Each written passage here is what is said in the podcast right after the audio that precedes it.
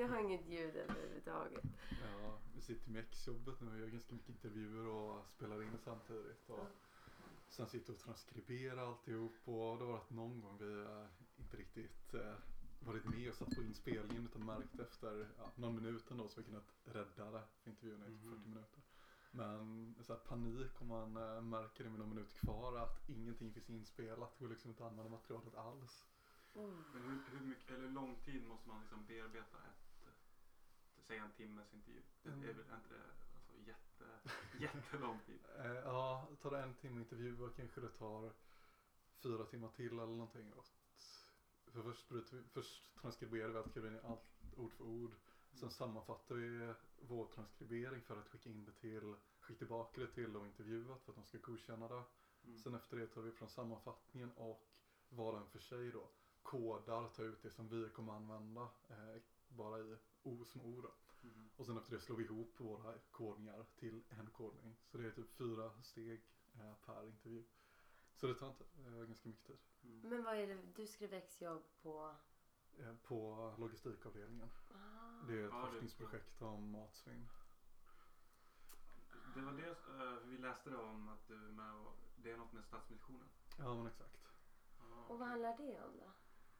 Det är, det är väl egentligen att man ska försöka skapa ett nationellt nätverk för eh, att ta hand om matsvinn. Eh, det finns ganska mycket lokala initiativ idag. Eh, där man säljer ut mat som man inte kan sälja till ja, Stadsmissionen eller Frälsningsarmén eller kyrkor och sånt där. Men det finns inget nationellt nätverk som samlar ihop allting på något ställe och sen distribuerar ut det eh, nationellt. Så att det är, tanken är att eh, hitta ett, en affärsmodell och, som funkar att skala upp egentligen hur mycket som helst. Och känner ni att ni når, alltså hur går det? Går det, når ni någon framgång? Hittar ni något eh, koncept som funkar och så? Eh, jo, vår del är ju ganska begränsad. Vi ska hitta vad företagen tycker är viktigt för att de ska börja donera livsmedel. Så vi behöver fokusera inte så mycket på affärsmodell eller strategi för expandering utan försöka hitta hur man kan man kan göra få företaget känna att eh, det är attraktivt att eh, donera livsmedel. Mm. Men skriver du det själv då eller? Nej, jag skriver med Matilda Sundin. Ah, okej. Och det är väldigt skönt att vara två pers. Ja, Ja, alltså, just vi har tänkt på det där. För, för vi skriver y-arna, de skriver ensamma. Ja, det är ju nog bara i-arna och tror jag M-arna som skriver två och två Jaha, som standard. Ja, nästan alla med, om man säger mer tekniska Ja. inriktningar skriver ensam. Det är så kul att höra, eller särskilt för oss treor nu som ska hetsa runt och välja masterinriktning och sånt där och veta lite.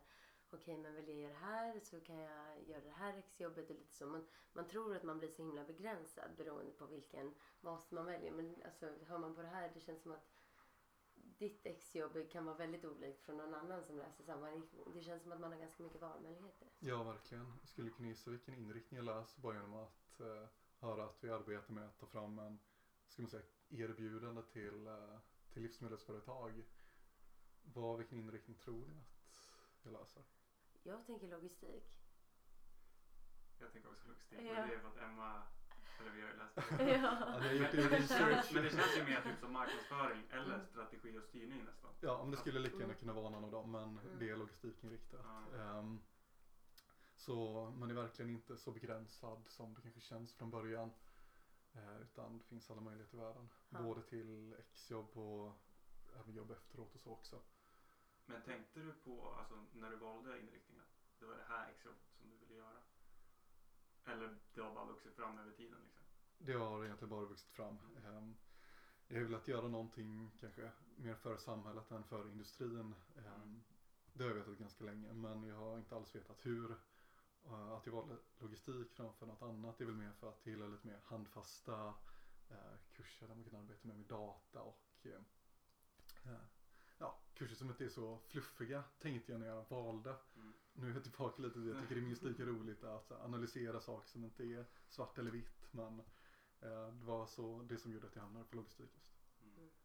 Men ditt, vad, vad kan man kalla det, allmänna intresse för välgörenhet och, och sådär. Har det växt fram också eller har du haft det, har, känner du att du har haft det redan innan du började här på I eller är det någonting som har växt fram? Eh, både och skulle jag nog säga. Eh, det har nog funnits där till viss del ganska länge. Ehm, min mamma arbetar med eh, att, ja, som SFI-lärare, att lära upp personer som precis kommit till Sverige när de inte kan någon svenska. Ehm, och vi har även haft en person från um, hennes klass som har bott hemma hos oss eh, under en viss tid och så. så att jag tror jag blivit ganska påverkad av det utan att tänka på det just då. Så jag tror att he- hela den här grejen med att göra bra för andra också har funnits med ganska länge.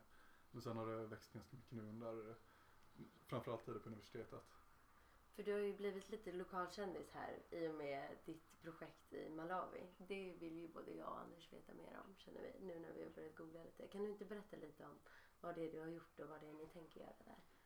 Eh, jo men tanken är väl att eh, när jag flyttade hit så eh, köpte jag lägenhet och eh, kommer sälja den nu om några månader och eh, jag började fundera på hur jag skulle, om jag skulle investera pengarna eller vad jag- vad jag skulle göra med dem och eh, då kom jag fram till att jag vill göra någonting bra med dem. Ehm, jag har inte gjort så mycket för att förtjäna de pengarna. Jag har haft ett riktigt schysst boende under fem år och eh, att casha in ehm, flera hundratusen på det kändes, kändes så moraliskt fel. Så jag började fundera lite på hur jag kunde använda pengarna.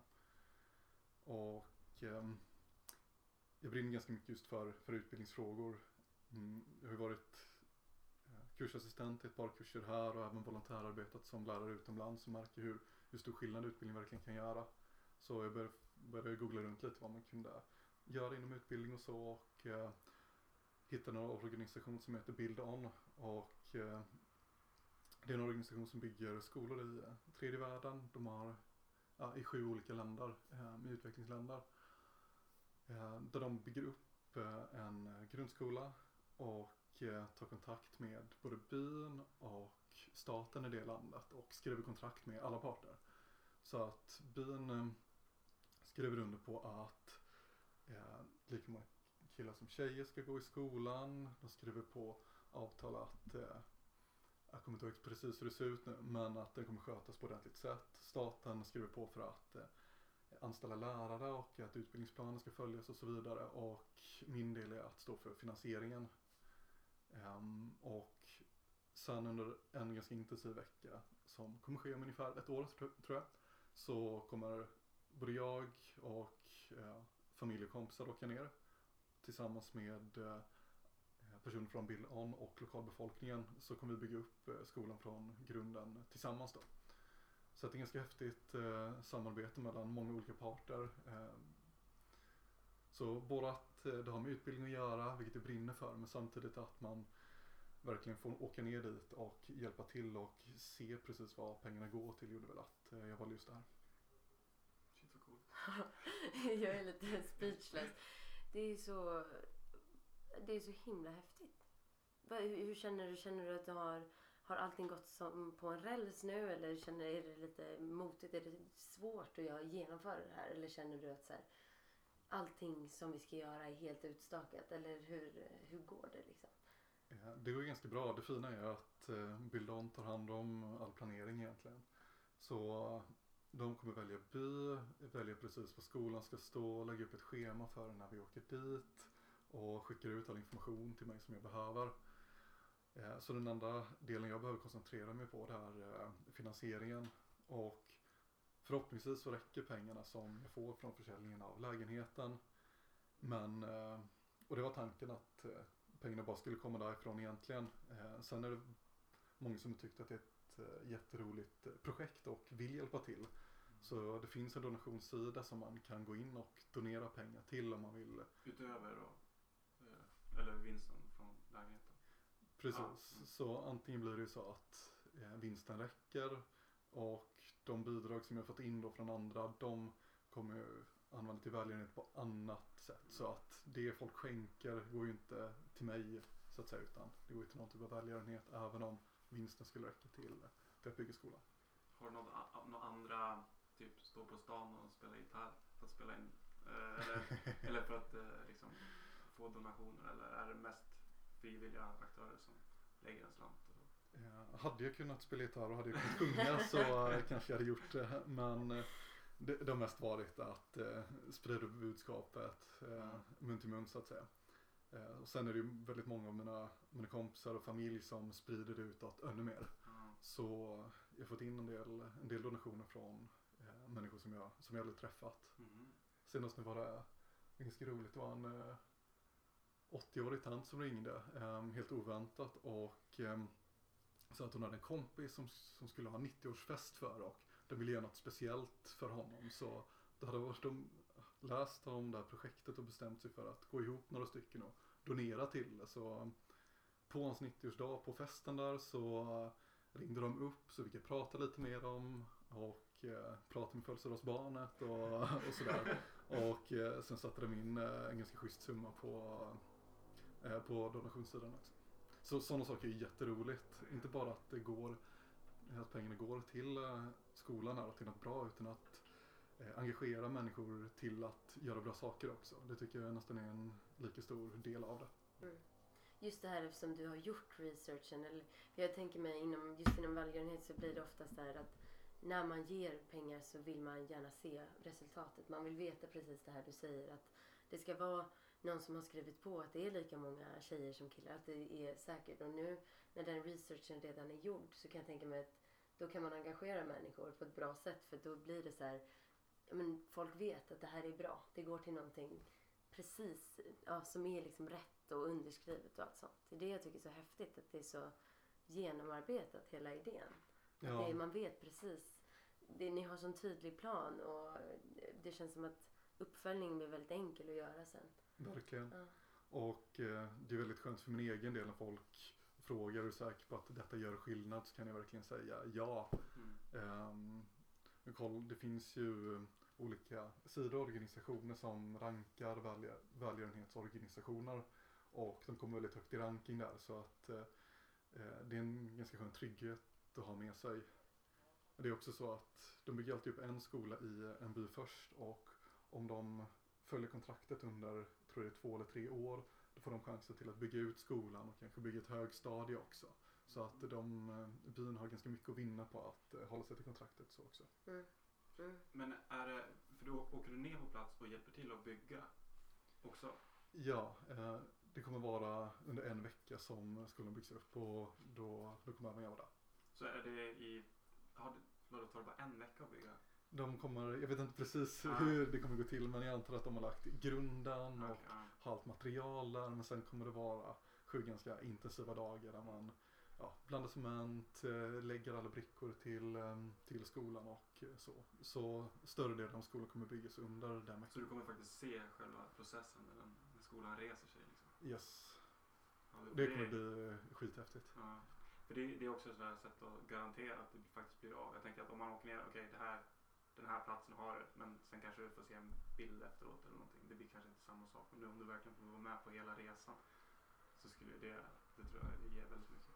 Ja, jag hoppas ju det att eh, det, det gör att jag känner och de andra personerna som följer med härifrån känner att eh, fan vad häftigt det här är. Jag vill göra mer av det här så att det inte bara blir en grej och sen känner man att fan nu har jag gjort min grej, nu kan jag luta mig tillbaka, jag är en ganska bra person ändå utan att Jag har gjort mitt för samhället. Ja men lite Mm. så, utan att istället blir som en trigger att man vill göra ännu mer och, och Ta en skål på det. Ja, det låter bra.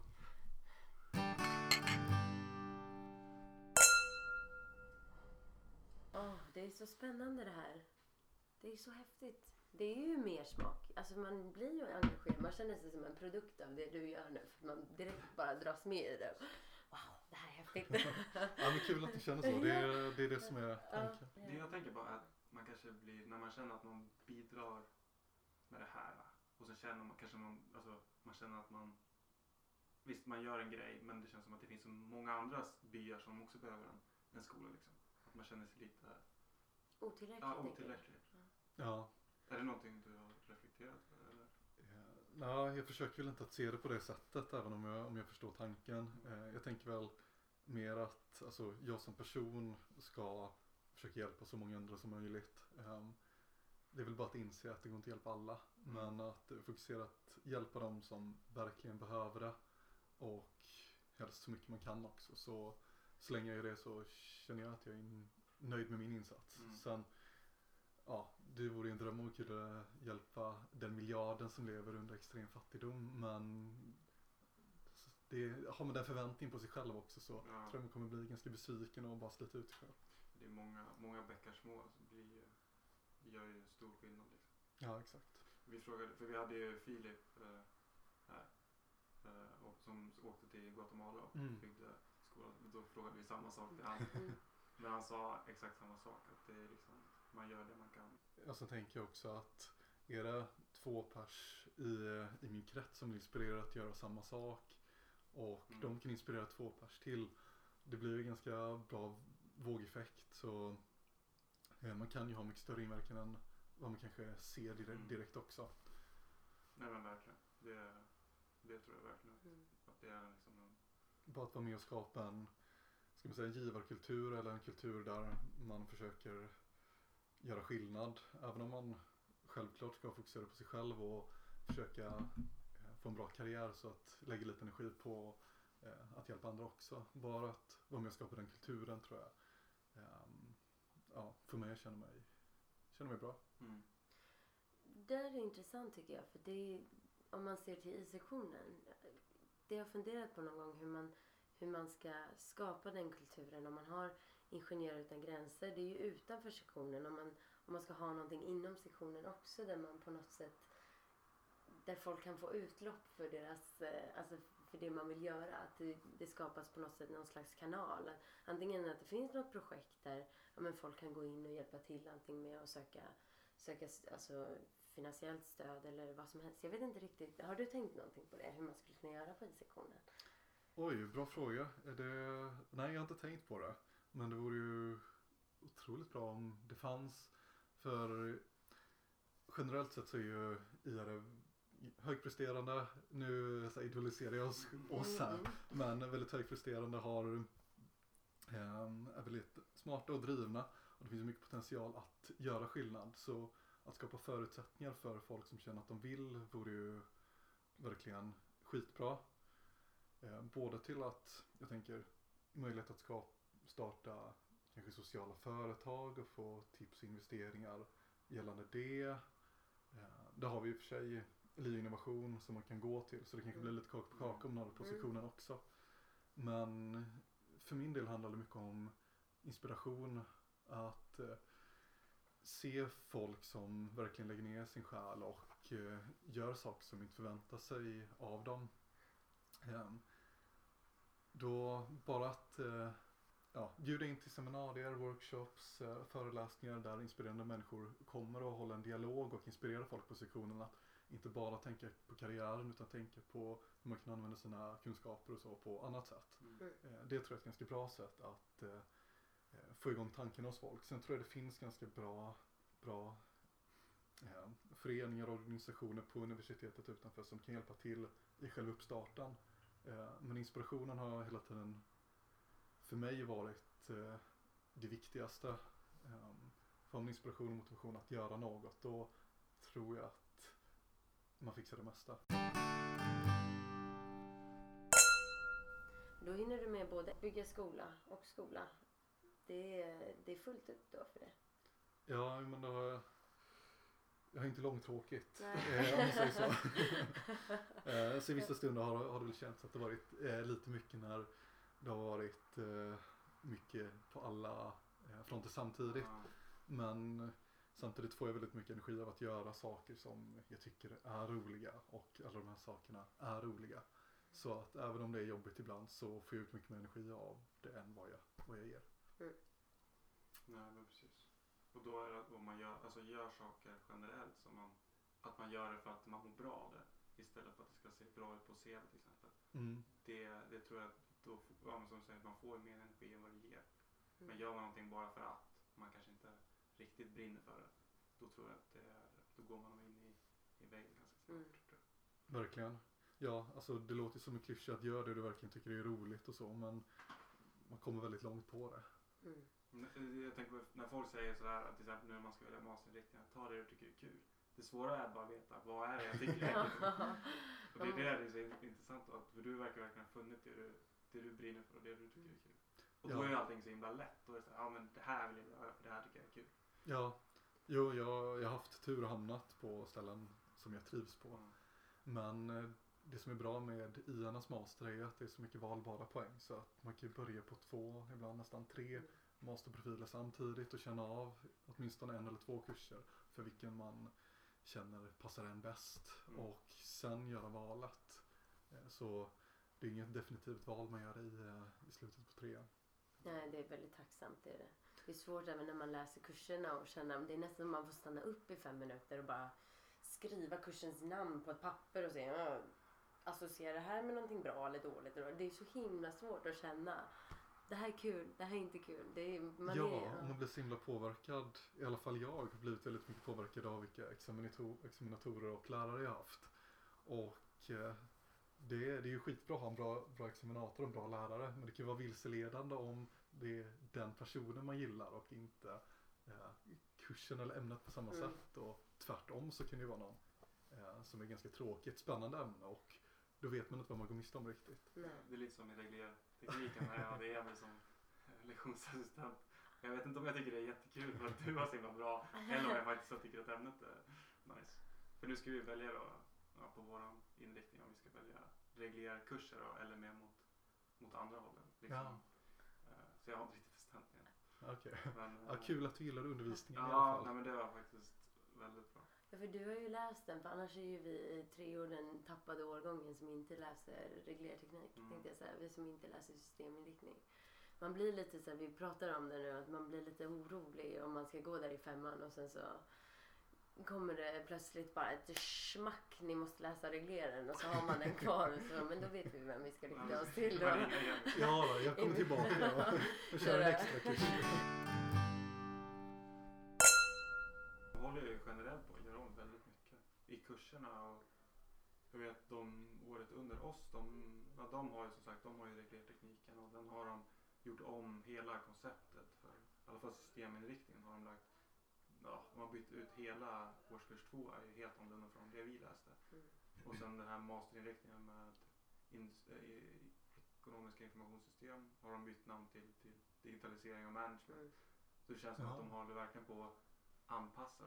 Ja, Eh, men jag tycker det är bra att de gör det. Ehm, Det är, det är mycket som, alltså just med digitalisering som du nämner, det har kommit jättemycket de senaste åren mm. bara. Så att universitetet försöker anpassa sig och inte är så stel och byråkratisk som den ofta är, Mm. är skitbra. Det- Och det mycket kommer ju tror jag från, faktiskt från kursutvärderingarna från äldre kursare. Mhm. Just med systeminriktningen eh, bland annat Mm. att den har lagts om. Den har fått ganska mycket kritik så. Ja, för det, det känns som att, ja nu pratar vi mycket om det här, men alltså vi har ju inte alls samma förkunskaper som YA när vi ska göra vår kandidat. Och då är det så här, jaha, men ändå ska man ändå köra på samma liksom. Då måste man ju lägga ner dubbla Mm. timmar och försöka lära sig sånt som de förutsätter man redan kan. Liksom. Ja, Men det, sen också, men typ att de har bara bytt namn på det här med, det känns som att det är många saker man lägger in ett flashigt namn.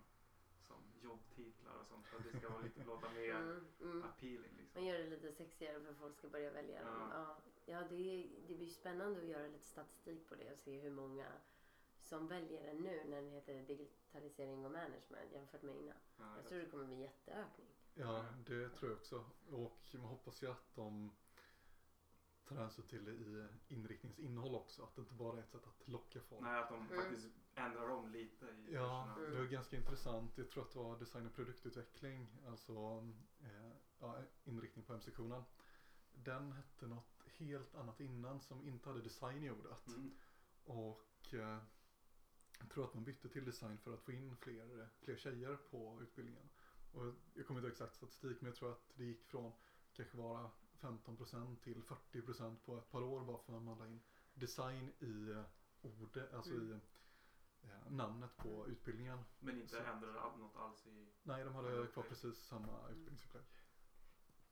Jag tycker det är ändå jäkligt häftigt. Men det är lite, ja, men jag tycker med lite med jobbtitlar också. Alla Mm. heter ju någon superfancy, liksom 15-ordig, lång. Och då, då tänker jag, för då känner man sig, ja, fast man, om man byter om liksom, man kan ha vilket jobb som helst, om man lägger till någon flashig titel så känns det lite bättre. Ja, om man lägger till head of eller Ja. manager så länge man har ansvar över en person eller Ja. ansvarar sig själv Ja. bara för Ja, att det ska hur? låta som att eh, man är jätteviktig. Så ja, det gäller att genomskåda Ja, och- sådana saker också. Men det är fascinerande vilken, eh, vilken makt det har egentligen. Så ja. ja, att läsa marknadsföring hade kanske varit ännu mer intressant logistik egentligen. Nej, nej, men för det, jag är lite inne på det. Att, eh, men typ de här placeboeffekterna. För det, det är ju nästan så det blir liksom. Att man tror att det är lite bättre än vad det kanske egentligen är. Ja. Mm. Och då går man in, ja men sådana här blindtester och sen säger de att ja nu kommer det påverka dig sådär. Och sen gör det faktiskt det. Mm. Ja, det, är, Mm. det är sjukt coolt. Men det är lite läskigt också. ja, Jag tänker att snart blir det en jätteinflation i alla de här jobbtitlarna och sen så kommer det, Gå tillbaka. det kommer gå tillbaka. Det kommer bli som ett fall bara. Så snart kommer det vara superinformativt. Så lagom till när Anna kommer ut så är det bara ett tråkigt ord. Väldigt informativt, väldigt klart. Programmerare. Ja, eller hur? Lägst ner i hierarkin, inom parentes. Bara så att det framgår. Eller hur? Eh, Ta ut kaffefiltret ur kaffekokaren liksom. Det är så långt man kommer. alla i lunchrummet. Slav åt chefen. ja, precis. Det är bra, då vet man precis vad, vad det handlar om. Det blir informativt. Så blir det inte vilseledande. Man är junior advisor, finance, super duper, extra mega cool. Då vet man. Nej, det är helt omöjligt att veta och därför tror jag det är ganska bra att prova så mycket man kan under Mm. eh, universitetsåren. Man går ju mycket på vad äldre säger. Och säger de då att det är bra och det är det här man ska bli. Det är klart, då får man ju den Mm. här placeboeffekten återigen. Och tror då att då tror man faktiskt att det är så här man ska göra. Mm. Ja, det är väl något jag saknar nu som, som 15-årare. Lite mer att se vilka möjligheter som finns efteråt fortfarande. Mm. Eh, för det känns som att antingen går man och blir konsult eller så går man något traineeprogram på ett eh, större företag Mm. och det är de två stora vägarna som finns om man inte har någon kontakt eller så det, ja, föra lite mer om vad som finns förutom det hade jag eh, uppskattat ganska Mm. mycket. Det är väl att man tänker att femmorna är färdigbakade men det är ju inte eller det är man ju inte. Man vill ju veta precis vad som, vad som finns och så. För det känns som att många har börjat rikta sig mot ettan och tvåan och så. Och, men det är ju så långt borta då. Att man då man får inte glömma bort femmorna. Ja men jag tänker lite så att man vet ju fortfarande, ja, men som du säger, när man går i femman. Man vet ju inte om alla vägval. Nej, alltså, man förväntas veta man det. tänk, när man tänker på årskurs fem, så här, de, här, de här vet precis vad de ska göra i livet. Liksom, och, sen, och sen när man pratar då, Jag vill inte göra dig besviken det blir nästan mer och mer förvirrad för varje år. Jag tänker att det ska gå så här när jag börjar femman. Att då ska jag veta exakt vad jag ska göra. Det är det här Inte- tröskelkrav. Ja. Precis. Och sen är allt fall på plats. Men även om det är så att eh, man är superförvirrad i eh, femte året så jag tänker det spelar inte så stor roll. Det första arbetet, ja, trivs du inte jättebra, ha det i två år och gå vidare sen. Inte hela världen. Det är så, så pass lätt att byta jobb eh, i, i dagens samhälle liksom. Mm. Så bara slänga sig ut och prova något som verkar intressant så, och inte har försöker leta efter det här perfekta jobbet direkt kanske. Mm. Då, då tror jag man kommer klara sig ganska bra i vilket, i vilket fall som helst. Det här med att man jobbar 30 år på samma företag, det känns inte så aktuellt längre. Man får guldklocka. Nej, det känns Mm. lite, lite 1900-tal. Det skulle vara, jag hade tyckt det var mer spännande på till exempel mässor och intervjuer och liknande istället för att fokusera på vad läser du och så vidare. Lite mer, lite mer på vad är dina intressen? Vad, du- vad skulle du vilja arbeta med mer konkret och Mm. inte låsa in sig på att det finns de här facken. Logistik, finans, strategi, marknadsföring. Och eh, försöker bryta ner det lite. Att ja, jag kanske vill arbeta i små projektgrupper och vara nära kund hela tiden. Så det kanske inte spelar så stor roll vilket område det är, men det är det jag vill göra. Mm. Mm. Eller jag vill arbeta med strategier inom ett större företag som utvecklar organisationen. Eh, ta lite mer sådana approach istället för att bara dela in i facken och kolla inriktningar för det, Mm. det blir ganska, ganska ändå. Och det känns som att man riskerar att råka trycka ihop samma personlighetstyper i samma grupper hela tiden. Om man istället går lite mer efter så, men du tycker mer om att jobba så, du gillar det så, då kan man skapa lite mer dynamiska grupper som kan bli lite mer produktiva känns det som. För det märker man ju nu med alla föreningar och hit och dit att det handlar ju så mycket om att hitta, det spelar ingen roll vad de läser eller vad de gör eller någonting sånt. Utan det handlar mest om att få ihop en grupp som funkar bra. Ja men precis. Och eh, just med att få in olika perspektiv i en grupp eh, tycker jag är otroligt viktigt. Alltså att försöka blanda sektioner men även eh, fakulteter och så också eh, tror jag bidrar jättemycket för att även om man kanske inte bidrar med mer kunskap så ser man på saker på ett annat sätt och tillsammans som är öppna för varandras idéer och sådär så tror jag verkligen att det kan leda till mycket bättre resultat även om man säger, personerna var och en för sig kanske inte är lika högpresterande eller duktiga så, så just det här med gruppdynamik eh, är otroligt spännande. Men det är också någonting man skulle egentligen uppmuntra universitetet till att ha lite mer tvärvetenskapliga kurser. Mm. Eh, tycker jag personligen. Mm. Eh, jag läste en förra året. Har ni talat om Demolas kurs? Nej. Eh, tror den heter Demola tvärvetenskapligt utvecklingsprojekt. Eh, inte supersexigt namn men skitbra kurs. Eh, man, Några flashiga ja, eh, men det, det är en kurs som fokuserar mycket på att utveckla eh, företagskoncept eh, i en liten grupp. Vi var fyra personer där jag kom från industriell ekonomi. Vi hade en som läste en master i kognitionsvetenskap. En som läste grafisk design och en som läste medieteknik. Mhm. Och vi skulle utveckla någon typ av digitalt koncept som skulle, det var jätteluddigt, stärka kundens makt i samhället gentemot företag. Okej. Ehm, Men det spelar mindre roll. En del fick mer konkreta uppgifter från företaget. Utveckla den här produkten åt oss. Och så arbetar man under eh, en hel termin med att eh, utveckla företagsidéer. Man tränar in, eh, det är mycket pitchträning som ingår och väldigt, väldigt så handfasta tips som man inte får i mer teoretiska kurser. Och både att det är så praktiskt, man arbetar mot något konkret och att det tvärvetenskapligt gör att det blir otroligt engagerande och den stick, sådana kurser sticker verkligen ut från mängden. Mhm. Ehm, så den kan jag också rekommendera att, eh, Mm. att läsa. Ehm, gå till räkna sig vilken inriktning man än går tror jag. Jaha, men den, den söker man via...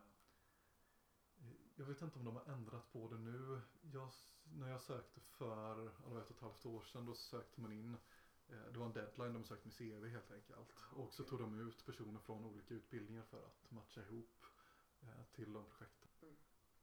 Men vad kul att få höra om din eh, resa genom i. Det är så inspirerande. Kul att få höra om det jobbet du ska göra i Malawi. Vi får, eh, hur kan man uppdatera sig på hur det går? Finns det någon blogg eller eh, dyker det upp på Facebook? Eller? Det kommer nog att dyka upp på Facebook. Mm. Kan eh, troligen inom ett par veckor så kommer det dyka upp något för eh, den organisation jag pratade om, Build On, de fick ju också nys av de här nyhetsartiklarna och ville göra en egen intervju så att det kommer en, eh, en det kommer läggas ut på deras eh, internationella blogg nu inom några veckor så håll ögonen öppna för det. Mm. Och vi läser korren såklart. Där har du dykt upp för lär väl hända igen. Ja, vi får se om det blir en uppföljning där. Okej. Men verkligen supertrevligt. Ska jag initiera skålen nu då? Mm. Mm.